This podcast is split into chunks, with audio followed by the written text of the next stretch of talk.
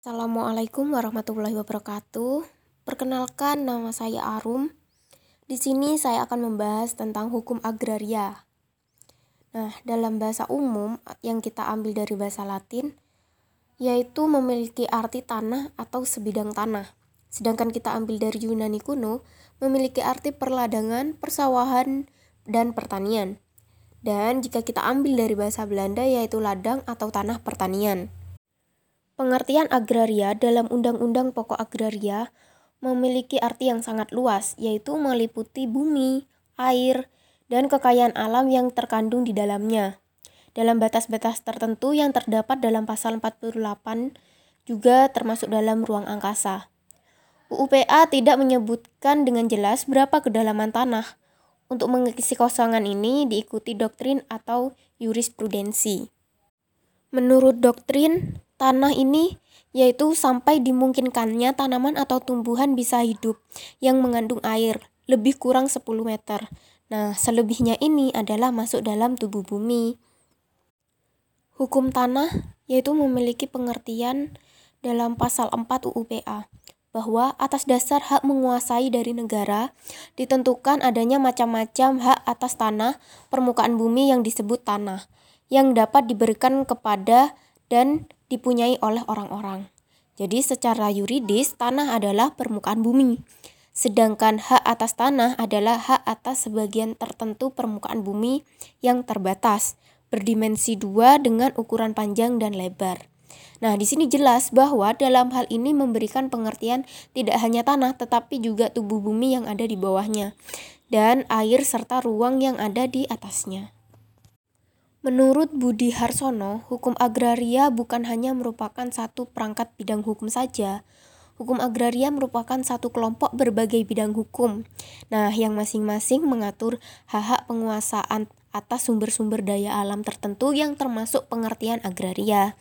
Nah, di sini meliputi hukum perikanan, hukum tanah, hukum air, hukum pertambangan, dan hukum penguasaan atas tanah, tenaga, dan unsur-unsur dalam ruang angkasa politik hukum agraria ini juga ada. Nah, di sini politik hukum agraria mengacu pada pendapat kedua tokoh. Nah, segala macam kebijakan yang ada di dalam pembentukan hukum agraria yaitu yang sudah disebutkan oleh e, Sajipto Raharjo dan Patmo Wahjono. Nah, kalau Sajipto Raharjo ini politik hukum adalah aktivitas untuk menentukan suatu pilihan mengenai tujuan dan cara-cara yang hendak dipakai untuk mencapai tujuan hukum dalam masyarakat. Nah, sedangkan Patmo Wahjono dikutip oleh Kot Kotam Y. Stefanus yaitu menyatakan bahwa politik hukum merupakan kebijakan penyelenggaraan negara tentang apa yang dijadikan kriteria untuk menghukumkan suatu sesuatu, menjanjikan sesuatu sebagai hukum, kebijakan tersebut dikaitkan dengan pembentukan hukum. Nah, di sini kita beralih kepada sumber hukum agraria. Nah, di sini ada yang tertulis. Nah, di, yang tertulis ini terdapat dalam pasal 33 ayat 3 Undang-Undang NKRI 1945 yang menyatakan bahwa bumi, air, kekayaan alam yang terkandung di dalamnya dikuasai oleh negara dan dipergunakan untuk sebesar-besarnya kemakmuran rakyat. Dan yang kedua, Undang-Undang Pokok Agraria atau UUPA. Nah, dalam pasal 1 ayat 2 ini seluruh bumi, air dan ruang angkasa termasuk kekayaan alam yang terkandung di dalamnya dalam wilayah RI. Nah, sebagai karunia Tuhan Yang Maha Esa adalah bumi, air, dan ruang angkasa bangsa Indonesia dan merupakan kekayaan nasional. Jika sumber agraria yang tertulis sudah, nah yang sekarang adalah yang tidak tertulis, yaitu yang pertama, kebiasaan. Nah, kebiasaan baru yang timbul sesudah berlakunya UUPA. Kita ambil contohnya nih, jurisprudensi dan praktek agraria. Nah, yang kedua, hukum adat yang masih berlaku dan masih hidup di tengah-tengah masyarakat Indonesia. Bicara perihal hukum adat, nah, fungsi hukum adat sebagai sumber hukum agraria ini yaitu hukum adat sebagai dasar dan sebagai pelengkap. Nah, Hukum agraria nasional merupakan perangkat hukum tanah yang sumber utamanya adalah hukum adat, yaitu berdasarkan konsepsi asas-asas dan lembaga-lembaga hukum adat serta disusun sebagai norma-norma hukum agraria nasional menurut sistem hukum adat.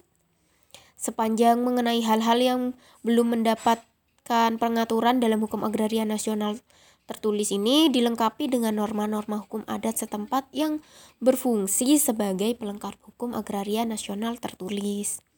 Nah, hukum adat di lingkungan masyarakat hukum adat ini merupakan bagian hukum agraria yang tidak tertulis sepanjang menurut ketentuannya masih berlaku. Belum mendapat pengaturan secara tertulis dan tidak bertentangan dengan hukum nasional yang tertulis. Tujuan hukum agraria yang pertama yaitu meletakkan dasar-dasar bagi penyusunan hukum agraria nasional yang merupakan alat untuk membawa kemakmuran, kebahagiaan, dan keadilan bagi negara dan rakyat, terutama rakyat tani dan rakyat masyarakat adil dan makmur. Nah, yang kedua meletakkan dasar-dasar untuk mengadakan kesatuan dan kesederhanaan dalam hukum pertanahan. Kemudian yang ketiga meletakkan dasar-dasar untuk memberikan kepastian hukum mengenai hak-hak atas tanah bagi rakyat dan seluruhnya. Asas dalam hukum agraria. Yang pertama adalah asas fungsi sosial yang berdasarkan pada pasal 6 UU PA. Nah, di sini menyebutkan bahwa semua hak atas tanah mempunyai fungsi sosial. Yang kemudian yang kedua, asas hukum adat. Nah, sebagaimana dalam pasal 3 UU PA ini bahwa pelaksana hak ulayat dan hak-hak yang serupa itu dari masyarakat hukum adat sepanjang menurut kenyataannya masih ada. Harus sedemikian rupa sehingga sesuai dengan kepentingan nasional dan negara yang berdasarkan atas persatuan bangsa serta tidak boleh bertentangan dengan undang-undang dan peraturan-peraturan lain yang lebih tinggi. Kemudian yang ketiga adalah asas monopoli negara. Sebagaimana dalam pasal undu, pasal 2 UU PA, yaitu bumi, air dan ruang angkasa termasuk kekayaan alam yang terkandung di dalamnya itu pada tingkatan dikuasai oleh negara. Yang keempat yaitu asas nasionalisme. Nah, yang berdasarkan pada pasal 9 Jo pada 21 ayat 1 Undang-Undang pokok agraria ini menyebutkan bahwa hanya warga negara Indonesia yang dapat mem dapat mempunyai hak milik. Tuh.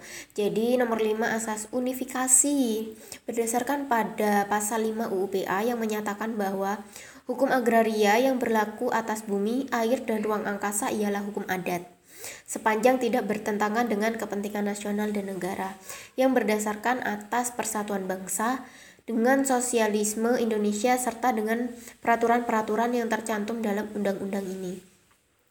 Dan dengan peraturan perundang-undangan lainnya sebagai sesuatu dengan mengindahkan unsur-unsur yang bersandar pada hukum agama. Nah, yang keenam yaitu asas non-diskriminasi. Nah, ini tercemin dalam pasal 9 ayat 2 UU PA. Tiap-tiap warga negara Indonesia, baik laki-laki maupun wanita, mempunyai kesempatan yang sama untuk memperoleh suatu hak atas tanah serta untuk mendapat manfaat dan hasilnya, baik bagi diri sendiri maupun keluarganya. Kemudian, yang ketujuh ada asas kebangsaan. Nah, ini berdasarkan pada pasal 1 ayat 1, 2 dan 3 UU PA ya. Nah, di sini menyebutkan bahwa seluruh wilayah Indonesia adalah kesatuan tanah air dari seluruh rakyat Indonesia yang bersatu sebagai bangsa Indonesia dan seluruh bumi, air, dan ruang angkasa termasuk kekayaan alam yang terkandung di dalamnya sebagaimana karunia dari Tuhan Yang Maha Esa. Kemudian asas tata guna tanah. Nah, ini yang terakhir nih. Berdasarkan pada UU PA sebagai dasar HTN, maka maksud dari asas tata guna tanah adalah dalam mencapai suatu tujuan atau cita-cita bangsa dan negara dalam bidang agraria, di mana diperlukan adanya suatu perencanaan dalam peruntukan, penggunaan dan persediaan bumi, air, dan ruang angkasa untuk berbagai kepentingan. Nah, kepentingan apa? Kepentingan hidup rakyat dan negara. Asas ini merupakan asas baru dengan tujuan setiap jengkal tanah dapat dipergunakan seefisien mungkin. Subjek dan objek hukum agraria. Nah, subjek hukum agraria ini meliputi ada tiga nih, nah yaitu orang, pemerintah, dan badan hukum. Sedangkan objek hukum tanah yaitu ada dua juga hak penggunaan atas tanah sebagai lembaga hukum dan hak penguasaan atas tanah sebagai hubungan hukum yang konkret. Sebelum adanya UUPA, hukum agraria di Hindia Belanda atau di Indonesia ini terdiri dari lima perangkat hukum. Yang pertama yaitu hukum agraria adat, yang kedua hukum agraria barat, dan yang ketiga hukum agraria administratif, yang keempat hukum agraria swapraja, dan yang kelima merupakan hukum agraria antar golongan. Kemudian setelah itu lahirlah UUPA. Nah, hukum agraria ini dibagi menjadi dua bidang, yaitu hukum agraria perdata dan hukum agraria administrasi. Hukum agraria perdata ini meliputi tentang jual beli, hak atas tanah sebagai jaminan utang dan perwarisan. Sedangkan hukum agraria administrasi yaitu ya sesuai dengan namanya administrasi yaitu pendaftaran tanah, penggadaan tanah dan pencabutan hak atas tanah. Sekian podcast dari saya, kurang lebihnya mohon maaf. Wassalamualaikum warahmatullahi wabarakatuh.